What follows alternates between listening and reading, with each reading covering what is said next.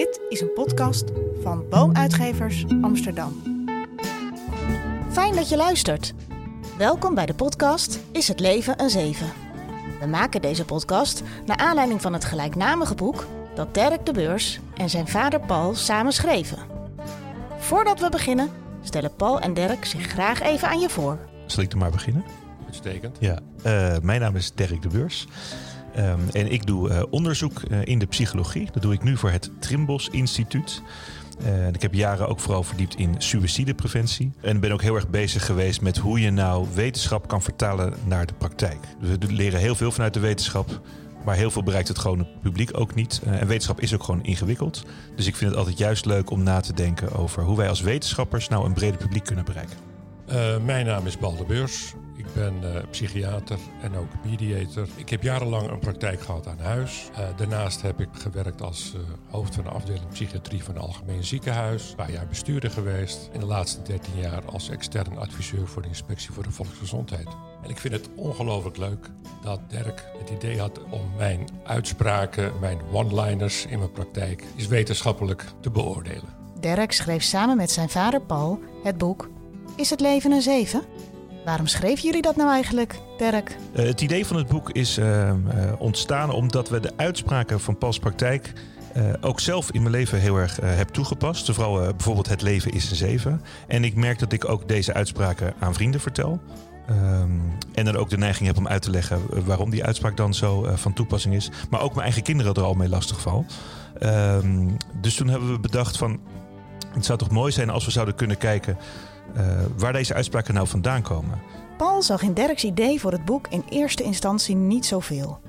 Waarom deed je uiteindelijk toch mee, Paul? Ik had in het begin ook wel een beetje aarzelingen. Want uh, ik merkte wel in mijn praktijk en aan de patiënten dat ze wel uh, die uitspraken ook wel leuk vonden, maar ook baat bij hebben gehad. En ik, uh, ik aan jullie en aan vrienden en kennis ook wel eens dat ze er baat bij hadden. Maar om dat nou in een boek te gaan zetten, ik had daar nog wel wat aarzelingen bij in het begin. Uh, je hebt me overtuigd en ik moet zeggen, ik ben zeer aangenaam verrast dat mijn uitspraken toch enige wetenschappelijke waarde blijken te hebben. En dat je blijkbaar in de loop van je professionele leven toch kennis opbouwt die niet alleen maar uit je grote duim komt, maar toch door opleiding, ervaring, supervisie, intervisie bepaalde waarden krijgen die ik inderdaad vaak heb gehoord van patiënten dat ze daar erg veel aan hebben gehad. In deze allereerste aflevering praten vader Paul en zoon Dirk over de uitspraak: Het leven is een zeven. Als je geluk hebt. Deze uitspraak gaat over het nemen van verlies. Dat kan zijn verlies van plezier, van zelfvertrouwen of van liefde, in werk en ga zo maar door. We zijn hier uh, in Leiden, in het uh, huis waar mijn vader woont. Uh, het is niet mijn ouderlijk huis. En het is ook voor het eerst een huis zonder praktijkruimte.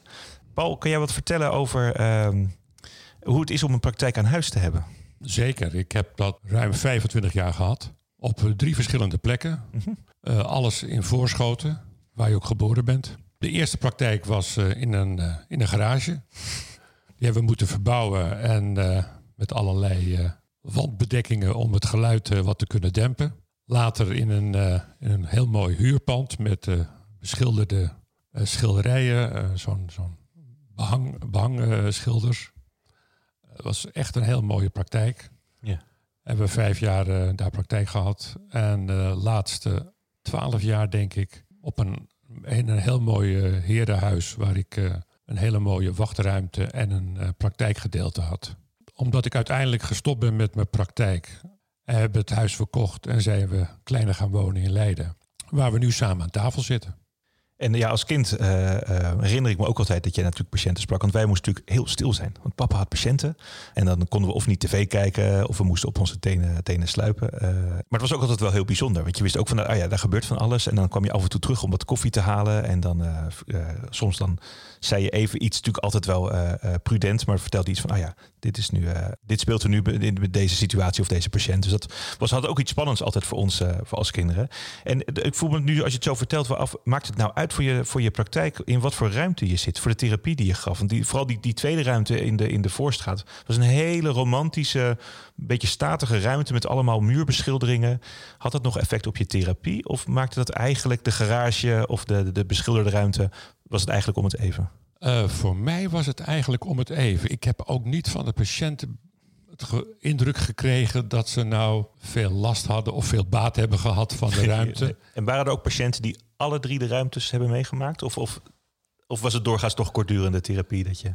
De meeste waren kortdurend. Gelukkig. Laat ik zeggen, gemiddeld, laat ik zeggen, anderhalf, twee jaar. Maar ik heb patiënten die niet alle ruimtes, maar wel twee ruimtes hebben meegemaakt. Ja, ja, ja. Uh, want in de psychiatrie uh, heb je soms ook, net als in de gewone geneeskunde, uh, chronische ziektes en chronische klachten. Ja, ja. en we hebben het in dit boek en ook in deze podcast vooral over de uitspraken die je altijd deed. Hè? Dus we willen ons minder focussen op de, de, cognitieve technieken of de, de, de, echt meer psychiatrische gesprekstechnieken, maar eigenlijk meer over de, zoals je het zelf ook noemt, de tegeltjes die je zelf gebruikte.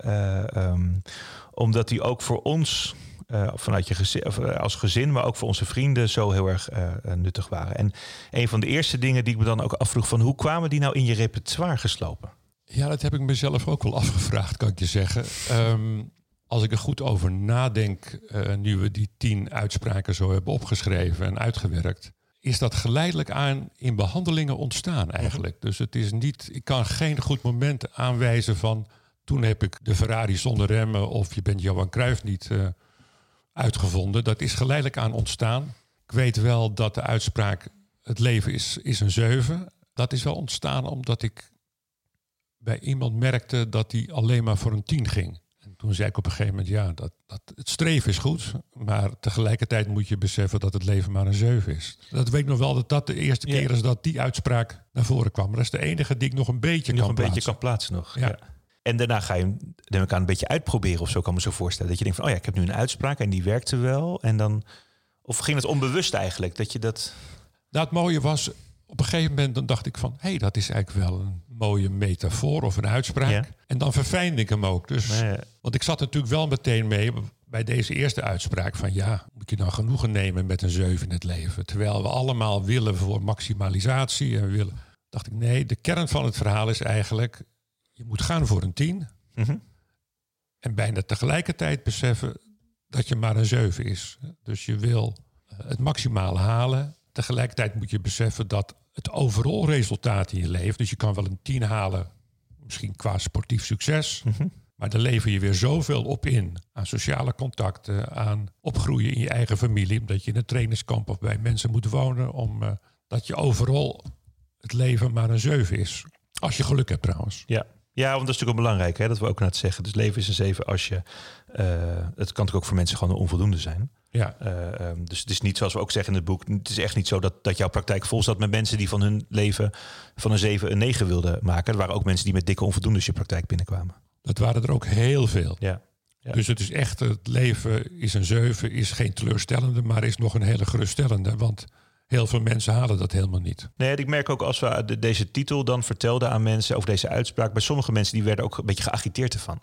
Van nou ja, maar dat, dat, dat, daar ga ik helemaal niet voor voor een 7. Ik ga voor een 10. En dus die werden ook een beetje bozig erop. Dat merk ik wel als je dat aan mensen vertelde.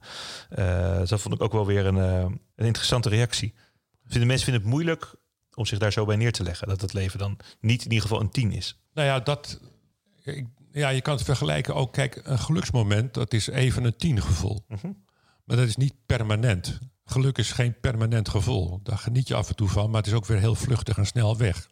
En nou, ik heb zoveel patiënten gezien in de 40 jaar totaal dat ik in de GGZ heb gewerkt. Ik heb niemand, en ik ken ook niemand, ook in mijn eigen leven niet en zelf ook niet, die kan zeggen: Mijn leven is een 10 of een 9 geweest. Mm -hmm. Leven is volgens mij omgaan met verlies. Ja. En sommige behandelingen is eigenlijk ook dat het een doel geweest van hoe ga je nou om met het verlies of van je gezondheid of van je huwelijk of het verlies van je partner of van je kind. Hoe ga je om met verlies?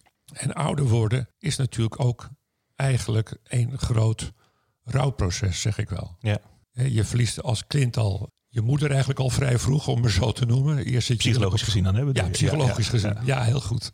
En uh, nou, ik denk dat dat eigenlijk het centrale begrip is, of de centrale boodschap achter het leven is een zeven. Ja. Het verlies. Omgaan met verlies. Wil je meer weten over Is het leven een zeven? Of het boek van Dirk en Paul bestellen? Voor jezelf, een vriend, je vader of je zoon? Ga dan naar boompsychologie.nl slash Leven 7. Ja, want ik vond wel oudere stukken eh, van psychoanalytische stukken die inderdaad zeggen dat therapie als een soort rouwproces ook wordt gezien. Maar dat verdwijnt wel op de achtergrond, merk ik, in de psychologische literatuur. Dan, zodra de cognitieve gedragstherapie er ook in komt, dan, dan is dat deel komt iets minder op de voorgrond te staan. Hè? Dus het omgaan met verlies. Het gaat dan vooral om negatieve gedachten, gedachten herstructureren. Waar natuurlijk ook dit wel natuurlijk een negatieve gedachte is die je kan bijsturen. Dat het, dat het leven niet voldoende is voor jou, dat je dat moet leren. Maar je ziet toch dat rouwproces, dat zit er niet zo in de, in de moderne therapieën. Nee, maar dat is een beetje, denk ik, het tijdsgevricht van de maakbaarheid van de maatschappij. Met andere woorden, je bent zelf verantwoordelijk voor je succes, voor je geluk. Ja. Als je geen succes hebt, dan is het jouw falen, om maar zo te noemen. Dus mensen raken heel erg teleurgesteld als het niet gaat zoals ze verwachten en zoals de maatschappij de suggestie werkt, wekt dat je uh, nou ja, een tien kan behalen. Ja, dat is ook een, uh, zo'n boek van een millennial gelezen. Die ook aan het laten gaf dat je als millennial een soort verbond maakt met de maatschappij. Die eigenlijk zeggen, als jij maar alles geeft en, en, en doet, dan, dan krijg je ook soort toegang tot een bepaalde uh, geluk uh, waar je dan recht op zou hebben. En daar zegt hij zelf ook van, daar hebben zij als millennials gewoon enorm last van. Omdat het leven minder maakbaar is dan ze voorgespiegeld is van tevoren eigenlijk. Ja, dat is ook natuurlijk een, een uitspraak die ik ook heel vaak heb gebruikt. Je groeit van tegenslag en niet van geluk. Ja. Geluk is een fijn gevoel, is vluchtig, is snel weer weg. En ik denk dat dat een beetje in de maatschappij en in de literatuur, uh, alle positieve psychologie-literatuur, wat onderbelicht is. Dat het, uh, het ook rouw is. Nou ja, en een van de dingen die we in het hoofdstuk uh, beschreven, en die voor mezelf ook heel belangrijk is geweest, is dat het eigenlijk er is best wel veel literatuur in over doelen en hoe je met doelen omgaat. En, en uh, vrij snel in de literatuur zie je dat, dat het hebben van een doel eigenlijk cruciaal is om een zinvol leven te leiden. Ja. Dat is, uh, maar dat doelen, zoals John Lennon zo mooi zei, je maakt plannen, maar het leven overkomt je ondertussen. Dus het, het leven overkomt je terwijl je eigenlijk heel iets anders bedacht had. En dat het vermogen om je plan ofwel bij te stellen dan wel af te stellen, dat zie je ook in de literatuur terug dat het een hele belangrijke voorspeller is voor mentale gezondheid. Ja. Dus als mensen niet zo goed kunnen uh, de doelen los kunnen laten en maar blijven vasthouden, dat dat gerelateerd is aan allerlei verschillende psychologische klachten. En ik kom eigenlijk, ik kwam zelf op, op die, die, die goal uh, loslaat theorie via het onderzoek ook in suïcidepreventie, waar uh, een goede vriend van mij en hoogleraar uit Glasgow, Rory O'Connor, dat als een van de kernelementen ook van, van suïcide, suïcidale gedachten ook noemt. Dus hij geeft natuurlijk aan dat entrapment in de val zitten is een heel belangrijk iets voor suïcidale gedachten. Maar ook andere, het gevoel dat je anderen tot last bent. Maar ook, zegt hij, van de, ook het, het, het, het, niet kunnen loslaten van doelen speelt ook een belangrijke rol. Ook bij het gevoel dat je in de, in de val zit. Dat je dus geen kant meer op kan. Nou ja, dat past wel wat Grunberg ook een keer zei op tv. Van, dat heb ik altijd meteen onthouden. Mm-hmm. Dus die zei van ouder worden, dat kan je het beste doen door nieuwsgierigheid en flexibiliteit. Ja, ja. En die flexibiliteit die moet je ook hebben ten aanzien van je doelen. Je moet natuurlijk is je leven alleen maar zinvol als je doelen stelt. Maar de kunst is om inderdaad flexibel om te gaan als je een doel niet kan bereiken. Ja. Ja, dat is natuurlijk zo moeilijk. Hè? Als je dus wordt geleerd dat je alles met 10.000 uur uh, uh, inspanning kan bereiken. Dat eigenlijk als je maar wilt, dan, dan, uh, dan kan je alles. Dan is het loslaten van een doel. Het, het is heel moeilijk om te bepalen wanneer je dan iets moet loslaten. Omdat je ook natuurlijk de uitkomst nooit weet, zeker van tevoren. Exact. Dus je moet wel, laat ik zeggen, de ambitie hebben en een doel stellen. En ook erg jezelf uitdagen. Aan de andere kant is dat een, een streven. En alle streven wordt niet bereikt. En dat is, het is een lastig punt. Ook daarin zal je moeten rouwen dat je doel, dat je soms je lat te hoog legt. Ja. Ramses Shaffi uh, heeft een prachtige uitspraak gedaan. Want men vond soms dat hij zijn talenten versnipperde. Mm -hmm. En hij zei, ja, dat is helemaal niet belangrijk. Het gaat erom of je in staat bent in het leven om je eigen tempo bij te houden. En niet om harder te kunnen dan je zelf kan. Ja. En door de maatschappij en door onszelf en onze ambitie willen we soms meer dan we kunnen. En het, in het boek staat ook meerdere verhalen van uh, casuïstieken. Dat zijn allemaal samengestelde casuïstieken, die zijn niet herleidbaar. Waarin mensen te lang streefden en heel ongelukkig, depressief, angstig werden daarna van doelen die niet verwezenlijk konden worden. Ja, het moeilijke is voor mij als je eenmaal dus op zo'n pad zit van een doel wat niet verwezenlijk kan worden. Het wordt steeds moeilijker om dat toe te geven. Want je hebt natuurlijk enorm geïnvesteerd erin. Uh, dus elke stap die je verder zet, maakt het moeilijker om dan dat verlies te accepteren. Hè? Waardoor je dus een soort, uh, wat we ook noemen, een cognitieve dissonantie krijgt. Want je hebt al zoveel geïnvesteerd in een doel. Dus dan toegeven dat het toch niet gaat, dat is natuurlijk ook een enorme uh, uh, opoffering. En dat, dat veroorzaakt een enorme frictie. Want je hebt er zoveel in geïnvesteerd. Dan moet je dus toegeven dat die investering het niet waard was. Ja. En dat maakt het wat moeilijk om op het juiste moment zo'n doel los te laten. Want je wil ook niet te vroeg loslaten. Ja. Dat lijkt me dan ook weer zo ingewikkeld. Van wanneer. Je hebt juist altijd in de literatuur of in, in, in muziek zie je dat mensen twintig keer afgewezen zijn en dan toch hebben ze die bestseller gemaakt. Dus dat soort verhalen van, uh, van die. Dat zit te denken nu aan uh, uh, de schrijf, auteur van Harry Potter. Die was ook een paar keer afgewezen. Ja. En dan opeens een wereldsucces. Dus dat zijn natuurlijk de verhalen die wij in de maatschappij aan elkaar vertellen. Van de aanhouder wint. Maar dat, dat heb je trouwens zelf heel goed wetenschappelijk onderzocht. Dat, dat is vooral het toeval. Ja. Het toeval bepaalt heel veel of je succes hebt of niet. Er zijn verhalen genoeg van mensen die talenten hadden en, uh, en niet bereikt hebben. En dan iemand die minder talent maar door toeval uh, wel een, een, een hitnummer krijgen en dan opeens een carrière maken. Daar, uh... Ja, en dat toeval vinden we natuurlijk in een maatschappij die juist heel veel graag controle over dingen heeft, heel moeilijk te accepteren. Het feit dat het, en dat, dat vertelt ook niet lekker. Die wil natuurlijk vertellen dat iemand gewoon doorzetting heeft gehad en van vuilnisman tot miljonair is gegaan. Dat is een stuk aantrekkelijker dan dat hij gewoon een heel, heel veel geluk had gehad. Ik denk dat de kunst is inderdaad, uh, wat je al noemde, met het aanpassen van je doelen. Hè, dat, dat, dat dat de kunst is van het leven. Er is ook een prachtig boek, uh, dat heet Sterfelijkheid van Atul Gawande. Hè, dat is die, ja, die, die chirurg. Die toch? chirurg, Ja. die Amerikaanse chirurg uit, afkomstig uit India. Die beschrijft in het boek Sterfelijkheid ook van een hoogleraar geriatrie. Die eerst natuurlijk in zijn leven veel naar buiten, internationaal publiceert. En gepensioneerd raakt en uiteindelijk is zijn doel wordt steeds kleiner, namelijk het verzorgen van zijn demente vrouw. Nou ja. En ook daarin vindt hij dus enorm zijn geluk. Ja. En ik denk dat dat, nou, ik vond het wel een mooi verhaal als voorbeeld, hoe je ja, moet proberen in het leven flexibel om te gaan in je doelen. En als je ouder wordt met name, moet je doelen kleiner stellen. En niet allerlei hele grote doelen meer uh, na willen streven. Ja. Ook fysiek kan dat niet. Nee, en dan moet je natuurlijk, uh, uh, dat moet je wel kunnen. Het is niet iedereen gegeven om zo flexibel uh, met, met doelen om te gaan. En dat moet je ook denk ik leren in het leven. Juist. Dat je ook door ervaringen leert om je doelen aan te passen. Ik heb zelf natuurlijk heel lang het doel uit gehad om, om in de muziek verder te gaan. Terwijl ik voelde al wel onbewust dat dat. Ik ben er niet voor niks ook daarna iets anders gaan studeren. Van nou ja, dit wordt toch wel een, een, een risicovol pad om die muziek uh, na te gaan. Maar het is heel raar om dan twee doelen eigenlijk in elkaar over te laten gaan. Dus je had aan de ene kant was ik dat, had ik het al losgelaten, maar je zat nog wel op, op die track. Dus ik was nog wel bezig om mijn studie gitaar af te maken. Dus ik was met dat doel nog wel bezig. Maar in mijn achterhoofd wist ik eigenlijk al onbewust van nee, maar dit, dit is het doel niet waar ik. Uh, uh, wat het uiteindelijk gaat worden. Terwijl je nog wel dus op die track van dat doel zit. Met zo'n opleiding die je moet afmaken. En uh, um, dat heeft me ook wel geleerd in, in, in dat je daarna dus gewoon dingen uh, dus naast elkaar kunnen bestaan. En dat je ook verschillende doelen parallel kan laten lopen. En dat opeens het ene doel dan de overhand krijgt van het andere. Dus dat vond ik ook wel een. Uh, was voor mij heel leerzaam. Ja, ja.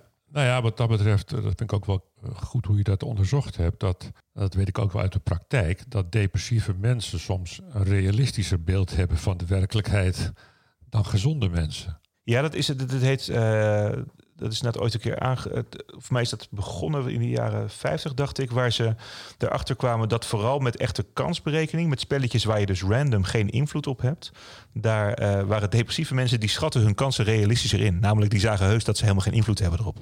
Uh, uh, maar blijkbaar is dus het overschatten van je kansen. Uh, is dan weer uh, uh, eigenlijk een teken van gezonde mensen. Dus het is ook goed om je kansen een beetje te, te, overschatten. Maar zoals we ook al net bespraken, moet je weer niet te lang volhouden aan je doelen. Dus daar zit natuurlijk een rare discrepantie in. Ja. waar je dus, je moet optimistisch zijn, maar op een bepaald moment toch realistisch genoeg zijn. Ja. En dat is wel heel gewoon ingewikkeld, denk ik. Een soort, iets wat je in het leven uh, uh, moet zien te vinden. En wat ik zelf geleerd heb, is dat dus een doel op zich, zoals bijvoorbeeld gitaar spelen of in de wetenschap staan, zijn eigenlijk ook uh, subdoelen eigenlijk. Dus, dus er is meer een soort doel wat daarboven ligt, namelijk dat ik graag creatief bezig ben. En vervolgens moet je kijken welke kansen de maatschappij je biedt om dat meer abstracte doel, namelijk creatief bezig zijn, of de maatschappij je de kans geeft om die echt daadwerkelijk vorm te geven. Dus of ik nou uh, toch muzikant was geworden, of ik was op het consortium gebleven om daar te werken, of uh, nu ben ik dan uh, wetenschapper, ben ik dingen aan het schrijven. Het zijn allemaal verschillende manieren om dat meer abstracte doel te bereiken. alleen dat duurde een tijdje voordat ik dat inzag, dat het dus niet per se het doel muziek was, maar meer dat er ook een abstractere variant was. Ja, en volgens mij maak je nog steeds muziek, maar op een ander niveau. Dus je probeert toch, laat ik zeggen, het hogere doel of het enige doel van muzikant heb je je aangepast om, uh, om nu toch voor je hobby muziek te maken. En daar ook veel plezier aan te beleven. Net zoals je in het boek ook schrijft dat sommige schrijvers die worden redacteur later, in plaats van dat ze nou een grote carrière als schrijver meemaken. Ja.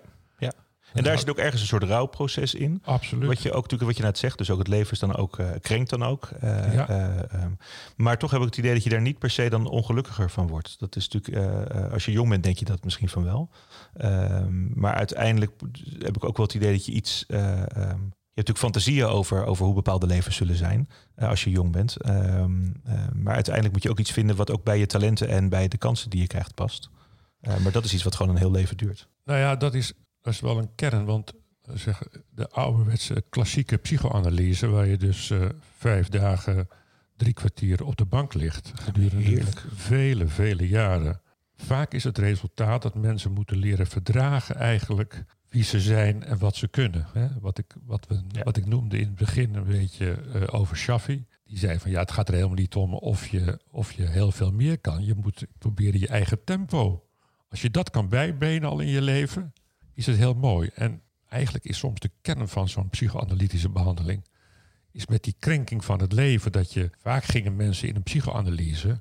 Mhm. in de hoop dat ze iemand anders zouden worden. Ja, ja, de gewenste ja. ander. ze hadden allerlei fantasieën over zichzelf. Er is een prachtige essay van uh, Laman over de, het geheime fantasie om bijzonder te zijn. Dat is natuurlijk iets wat we allemaal als mens een beetje in ons dragen. Mm -hmm. En ja, wat ik zelf uh, geruststellend vind in het leven, dat je uiteindelijk ben ik uitgekomen op mijn talenten en tekorten. Hè? Wat ik zeg, je talent en je valkuil gaan je leven mee. Mm -hmm. Maar ook je valkuilen. En dat wil zeggen dat je uh, vaak uh, hogere verwachtingen hebt van jezelf of van anderen. en dat moet je altijd in de gaten houden, dat die neiging om jezelf te overschatten of te onderschatten, yeah. dat die blijft vaak bestaan. Yeah. Dus dat blijft een worsteling om daarmee uh, in het reinen te komen.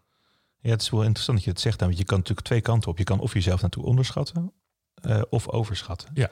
Uh, wat natuurlijk binnen je therapie ongetwijfeld een aparte manier van, van therapie vraagt. Dus als iemand zich onderschat, zou je iets anders mee doen ja. dan als iemand zich overschat. Ja. En vaak is degene die zich onderschat, die ziet zijn talenten niet. Ja. En alle positieve kanten die hij zelf heeft of zij heeft. En, die andere mensen ook vinden. En de overschatter die moet leren om zijn valkuil tegemoet te treden. Ja. ja want dan die, uh, er is geen gek zonder gebrek. Ja. Dat geldt voor ons allemaal. Dus uh, en dat krenkt ook. Ja. Een hoop mensen die, die vinden dat lastig, ook van de therapie zelf. Die hebben hoge verwachtingen van een behandeling. He, mensen met hoge doelen, de perfectionisten, die stellen ook hoge doelen in de behandeling. Dat kan dus ook niet verwezenlijk worden. En dat bespreken, dat nou, en dat verwerken, ja. dat helpt mensen soms enorm met hun problemen. Ja, dus dan is de therapie zelf. En, het, en eigenlijk dus de te hoge verwachting van de therapie is dan al een soort metafoor voor ja. de, het beeld wat ze van het leven hebben. Ja, absoluut. Ja. En dat doorwerken en bespreken. En nou ja. En dan zijn mensen toch op een gegeven moment blij dat het leven een zeven blijkt te zijn. Ja. En dat ze daar ook dan niet tegen hoeven te vechten. Maar uh, je hoeft ook niet iemand te berusten, want dat klinkt natuurlijk weer te passief dan. Maar dat je in ieder geval een soort context krijgt waardoor je beter uh, je weg kan vinden. Ja. Nou ja, wat we in het boek beschrijven, wat ik voor mezelf, wat ik vaak ook aan patiënten vertelde over mezelf. Ik zeg ja, kijk, ik ben erg voor ambitie en ervoor gaan. Mm -hmm. uh, ik wilde graag uh, kampioen worden van de tennisclub. Nou, ik train en ik, ik speel competitie. Nou, dus ik, ik, heb wel de ambitie, maar ik weet tegelijkertijd dat ik nooit kampioen word voor de tennisclub. En, nou ja, en de ambitie hebben en het realisme dat je dat toch niet kan wezenlijken. Dat is een beetje de opdracht in het leven volgens mij. Ja. Misschien nog één ding wat ik leuk vind uh, uh, om te bespreken is wat we ook in het hoofdstuk bespreken en wat ik zelf heel fascinerend vind is uh, het verhaal van de, van de ongeleefde levens. Ja. en ik heb dat zelf al heel lang als kind al, dus het idee dat je dus altijd ook als je een andere keuze had gemaakt, bijvoorbeeld naar een andere middelbare school te zijn gegaan, dat je dan een heel ander leven zou hebben gehad. En dat vond ik als dat vind ik nog steeds zo iets, iets raars. Dat je dus uh, um, eigenlijk misschien wel even gelukkig of gelukkiger had kunnen zijn als dingen net iets anders waren gelopen. En ik vroeg me af, bij jou, uh, je bent natuurlijk dan psychiater geworden, uh, maar had je nou net zo goed iets anders kunnen worden en was het dan allemaal anders gelopen? Oh, absoluut. Ja. Uh, ik heb toen zitten dubben na mijn middelbare school, waar ik enorm blij was dat ik die had gehaald, want die vond ik zo ontzettend moeilijk. Tussen rechten en geneeskunde en wat erachter zat, was eigenlijk uh, het idee van dan stel ik nog de keuze uit wat ik uiteindelijk wil gaan worden. Hè? Als je rechten gaat doen, dan kan je altijd nog alle kanten op naar rechten. Je kan mm -hmm. rechter worden, je kan advocaat worden. Met geneeskunde, dan word je arts, maar daarna kan je alle richtingen nog op. Dus dat vond je juist prettig, dat je dus... Ja, uh, ja, ja, ja, want ik voelde ja. dat ik, en ik denk dat dat nog wel herkenbaar is bij, bij jongens en bij mannen, die zijn wat laatbloeiers, en daar was ik er zelf ook een van. Om precies te weten wat je wil, uh, is lastig. Toen ik eenmaal arts was, uh, zou ik eigenlijk kinderarts worden. Ja, ja. Ik had een opleidingsplek plek gekregen, maar uh, ik moest in dienst. Daar had ik helemaal geen zin in. En ik gaf al les op, op het psychiatrisch ziekenhuis Schakenbos aan de verpleging. Ja. En dan kwam een baan vrij en dan hoefde ik niet in dienst. Ik dacht, nou dan doe ik dat. En dan stel ik nog mijn keuze even uit in mijn leven. En zo ben ik drieënhalf jaar huisarts geweest eerst op Schakenbos. Dat is toch een meestelijk verhaal? En daarna rol je dan vanzelf in de psychiatrie, om maar zo te noemen. Ja. En achteraf ben ik er ongelooflijk blij mee. Ik had, dat is achteraf gedacht, ik Ja. ben ongelooflijk blij met dit vak. En ik heb het nou, met zoveel plezier gedaan. Ik ben eigenlijk nooit ziek geweest in die afgelopen 40 jaar. Ik heb het uh, met genoeg en plezier gedaan. En, en hij- denk je dan wel eens van, eh, was dat ook zo geweest eh, als je bijvoorbeeld toch kinderarts was geworden? Of denk je er eigenlijk nooit over na? Dat zijn van die fantasieën die ik dan heb. Van, oh ja, als je nou toch dat dan had gedaan, had mijn leven er zo uitgezien. Dat heb ik helemaal niet. Ik weet wel dat ik. Ik heb me wel. Een van de fascinaties van kindergeneeskunde vond ik gewoon hele zieke kinderen. Ik kan Hmm. weet nog heel goed. Ik had in mijn kooschappen een kind van twee jaar met leukemie.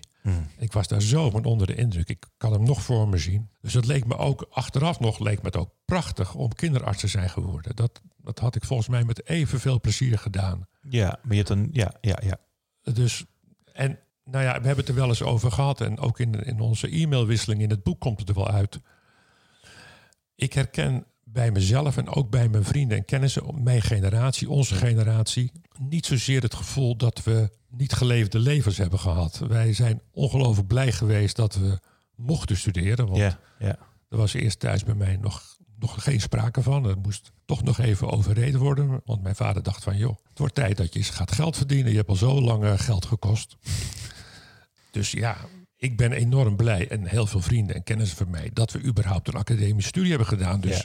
het idee van switchen of eh, een ander leven... ja, het is echt, denk ik, iets van na de oorlog. Dat je gewoon blij bent dat je eh, een, eh, heel mooi werk kreeg. En Ja. niet de- die hele persoonlijke ontwikkeling, wat veel meer geldt in deze tijd en bij jullie. En dan, ja, dan streef je dus dat het leven een tien is. En ja, zoals wij al zeggen, of tenminste, een van de uitspraken is: het leven is een zeven. Ja, ja. En een van de dingen die we ook eh, eh, misschien. Nu kom je natuurlijk in een andere fase in je leven terecht. Dus Ja. je werkend leven is voorbij. Wat betekent dat voor je doelen? Dus hoe, hoe je leven heeft natuurlijk. Het idee is natuurlijk met het leven in zijn zeven dat het continu eigenlijk heel stabiel is de hele tijd. Maar het verandert natuurlijk ook de hele tijd. Dus hoe, hoe ga je nu met, met doelen om in je leven? En, en is het nu nog steeds een zeven? Of is het juist, of blijft het hetzelfde? Of, of eh, eh, resoneert dus het gevoel wat je in je werkend leven hebt gehad nu ook nog steeds door?